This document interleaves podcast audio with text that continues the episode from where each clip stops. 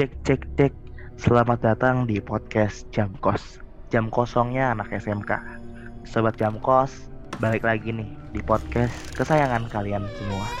Podcast kali ini akan serasa spesial karena gua dan rekan gua merupakan podcaster baru di sini. Izinkan gua dan rekan gua memperkenalkan diri terlebih dahulu. Nama gue Davari Zaki dan di sini gue nggak sendiri, gue bersama rekan gue. Halo teman-teman semuanya, gue Raffi Triandi yang bakal nemenin Kadaki di sini. Hari ini kita bakal membawakan cerita-cerita yang berbau horor di lingkungan kampus IPB. Tanpa berlama-lama lagi, kita masuk ke cerita yang pertama. Dari seorang mahasiswi IPB angkatan 2008. Disclaimer terlebih dahulu bahwa ini bukan cerita penglihatan, tetapi kejadian ini melalui pendengaran korban. Saya menempati asrama Rusunawa A4 di salah satu kamar pada lantai 4. Kehidupan saya berlangsung normal hingga saya mengalami kejadian di hari terakhir saya di asrama. Pada hari terakhir itu, saya masih ada satu ujian. Maka saya memutuskan untuk bangun jam 4 subuh untuk belajar dan juga sholat subuh. Hingga jam setengah enam pagi, saya tertidur dan memutuskan untuk beranjak ke atas kasur. Beberapa menit setelahnya, saya mengalami sleep paralysis atau rep-repan kata Sundanya. Saya, saya berpikir mungkin karena stres akibat kuliah, sehingga saya tidak terlalu menggubrisnya. Saya mengganti posisi tidur saya ke kanan dan berusaha menggerakkan anggota tubuh saya. Tidak lama setelah itu, saya rep-repan lagi. Ini aneh karena kejadian ini tidak seperti biasanya. Biasanya saat rep-repan tidak lebih dari satu kali dalam satu waktu. Lalu saya mencoba menggerakkan lengan saya. Bisa. Saya sempat berpikir untuk bangun dan lanjut untuk belajar.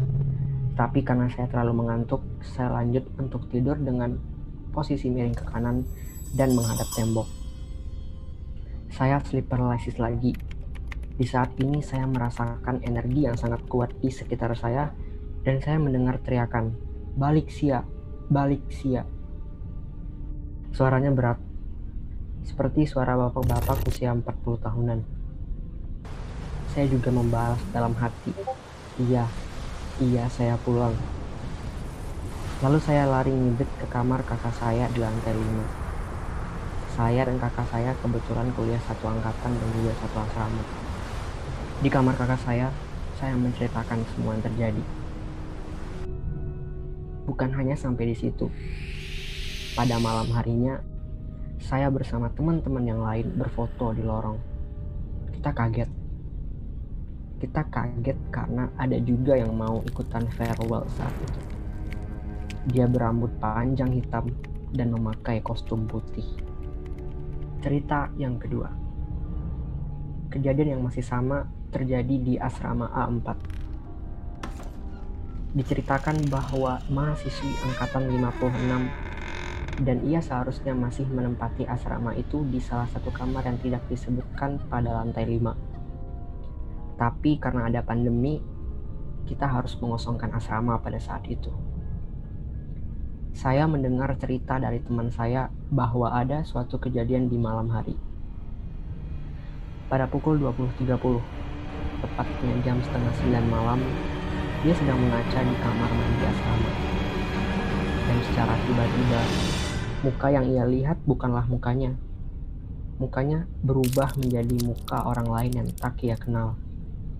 Dia yakin pada saat itu ia bukan halusinasi. Ia menangis dan berlari menuju kamarnya. Cerita yang ketiga.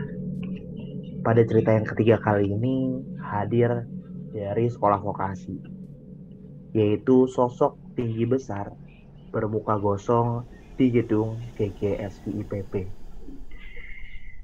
Gue mau cerita tentang pengalaman gue ketemu sosok ini.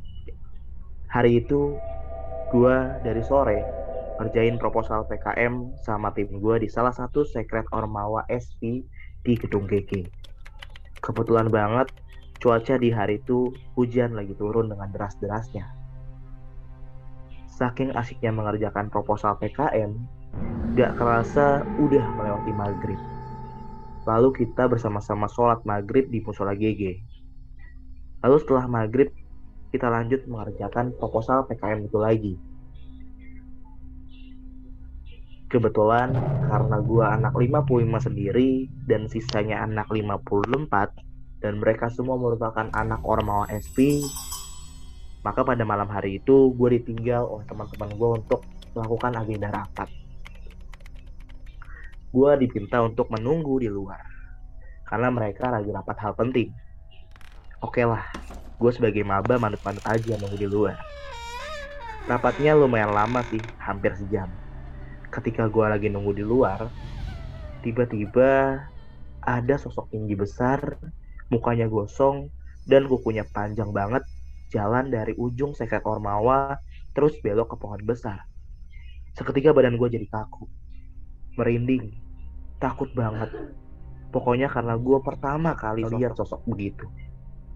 Kalian bayangin, mahasiswa baru disambut dengan hal begitu di kampus. Pas gua nunggu di luar itu suasananya emang sepi. Dan kalian tau lah ya gedung GG kalau malam seremnya kayak apa. Gelap banget terus gue di situ nggak bisa ngomong karena saking takutnya. Ketika mereka udah selesai rapat gue langsung lari nyamperin mereka dan nangis jadi-jadinya. Karena takut banget. Sampai ada yang bacain al-fatihah ke gue. Takut gue kerusukan kali ya. Akhirnya gue balik ke kosan. Namun sesudah kejadian itu, tiba-tiba gue mengalami sakit panas selama tiga hari berturut-turut. Gue nggak tahu apakah ini masih ada pengaruh dengan sosok tadi yang ada di gedung GGSV Mungkin itu cerita yang bisa kita bawakan untuk saat ini yang terjadi di kampus IPB. Bagaimana, Kadaki? Benar banget. Mungkin gue disclaimer aja ke teman-teman semua segala hal horor, mistis maupun cerita-cerita yang tadi kita pertontonkan ataupun kita dengarkan ke teman-teman semua sifatnya hanya menjadi cerita. Teman-teman boleh percaya, tapi juga boleh tidak percaya. Dan jangan jadikan ini sebuah ketakutan buat teman-teman saat berada di lingkungan kampus IPB. Karena balik lagi, kita semua hidup di muka bumi ini berdampingan. Bahkan di samping kita pun bisa jadi ada yang lagi mendengarkan perbicaraan kita. Mungkin itu aja podcast kita pada malam hari ini. Gue berharap kalian semua sehat-sehat aja dan tetap percaya kepada Tuhannya masing-masing. Gue Dava Zaki dan rekan gue. Gue Rafid Triandi, pamit undur diri. Wabillahi taufiq Wassalamualaikum warahmatullahi wabarakatuh.